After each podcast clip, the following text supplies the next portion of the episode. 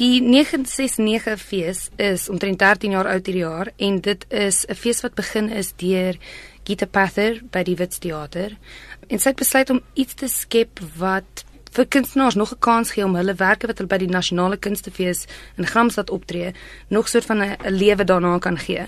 Basies is die idee dat mense nog 'n paar optredes na die nasionale kunstefees in hulle eie tuiste kan hê en dat mense hier in Johannesburg kan kom kyk wat dalk nie genoeg geld en tyd het om al die pad af te gaan Gramstad Ooskaap toe nie. Hoeveel produksies is deel van die fees hierdie jaar?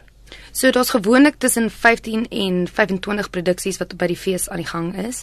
Hierdie jaar is daar 20 produksies en baie van die mense wat daar optree, is mense van Johannesburg af, maar daar is ook van ander dele van die land wat ook hier kan hier kom optree.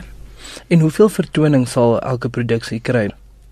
Ek dink dit hang af. Gita Pather kies en sy sien ook wat is die tendense en wat is populêr en wat doen goed en so en so wat jy natuurlik so van 'n 'n fees bymekaar sit moet jy ook daarna kyk om huise te trek en mense te kry om te kom kyk. Ek dink dis enigiets tussen 2 en 5 optredes. So watter soort temas en produksies verskyn by die 969 fees? Ek dink daar is 'n groot groot verskeidenheid en dit is wat wonderlik is by die fees is uh, al is dit soort van gekies en en so en dit is baie fyn gekies en en Gita maak seker dat daar altyd 'n uh, verskeidenheid van goeder is.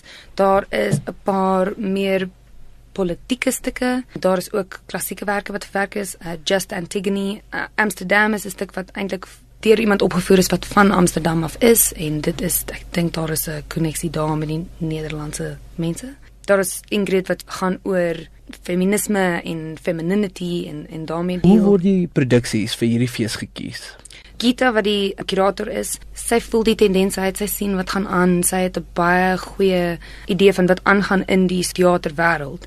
Sy's baie betrokke by verskillende groepe en allerlei goeie. Sy gaan ook nasionale kunstefees toe, maar sy is die persoon wat voor die tyd sien what's up and coming en sy kies dan mense wat sy dink 'n um, goeie kans staan. En dan kies sy ook mense wat sy sy kyk na hulle. Sy sy sorg vir hulle in 'n manier so sy sien hulle het goeie werk en they're up and coming en daar gebeur dinge hierso en dan volg sy hulle en en sy bring hulle terug na die fees toe. En dink jy dat as kunstenaar hierdie fees jou 'n nuwe platform gee of 'n ander platform gee om jou kuns verder uit te brei of nuwe gehore te bereik? Definitief. Ek dink dit is 'n wonderlike geleentheid om weer jou stuk op te voer en dat jou stuk nog 'n lewe na die nasionale kunstefees het. Ek dink baie kunstenaars werk ook die hele jaar en dan sal hierdie groot druk en dryf om by die by Gramstad op te tree en baie van die ander kunstefeeste wat in die begin van die jaar gebeur.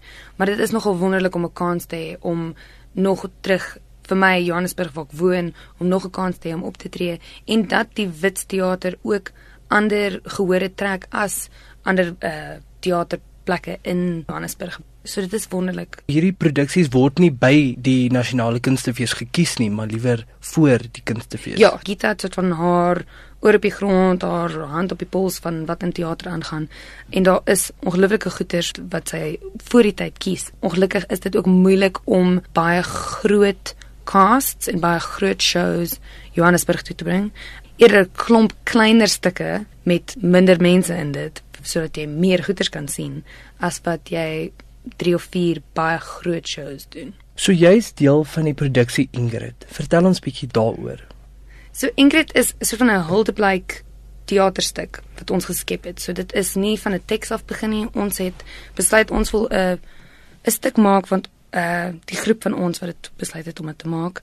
Esther van die Walt wat die regie behartig het en dan ek en Megan van Wyk en Nina Erasmus sommer verskriklik mal oor Ingrid en haar storie en meer as net haar storie en haar lewensverhaal was dit vir ons interessant om te kyk hoe haar digkuns en haar die moeilikhede in haar lewe oor wat dit is om vrou te wees en die soort van intieme wyshede wat vrouens met mekaar deel om dit te ondersoek. So in plaas van om haar lewensverhaal oor te vertel en ek dink dit het nou al 'n paar keer gebeur in verskillende kunsforme om te kyk na haar werk en uit haar werk drie figure te skep. Ons kyk na Ingrid en na vroue in die verskillende maniere wat hulle voorkom en uit die gedigte uit het ons hierdie drie vrouens gevind. En deur dit gekyk na soort van hierdie temas en goeters wat opkom in haar werk en dit gebruik en die digkuns ook gebruik en dele van dit ook verwerk.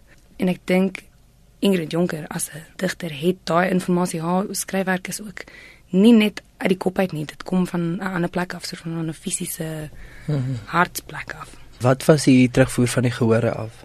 Ek moet sê ons het baie wonderlike terugvoering gekry van die gehore af. By die Nasionale Kunstefees Gramstad was ons verskriklik verras om eintlik heeltemal Afrikaanse gehore te hê. Ons het gedink, "Wow, daar gaan net Engelse mense hier sit." Ek gaan Want dit is nog 'n Engelse fees. Ja, presies. En ons was so verras. Ons het verskillende goeie gehore gehad. Hulle was heeltemal um invested in wat gebeur. Hulle was heeltyd besig om te volg en dat niemand teleurgestel gevoel het oor die feit dat ons nie nou net Ingrid se storie oorvertel nie. Ek dink baie mense het vir dit gekom. Hulle het was daar en het verwag, okay, ons wil nou die ding sien. Maar mense wat eintlik baie gelukkig was oor die feit dat hierdie gedigte nog 'n lewe het in 'n volgende generasie in by die einde van die stuk staan ons nog so vir 'n ruk op die op die verhoog terwyl die gehoor uitloop. En daar's baie mense wat verbyloop en dan sê so: "Dankie. Dankie." Terwyl hulle uitloop, so ons het baie duidelike terugvoering gekry dat mense baie dankbaar was. so dis nogal lekker.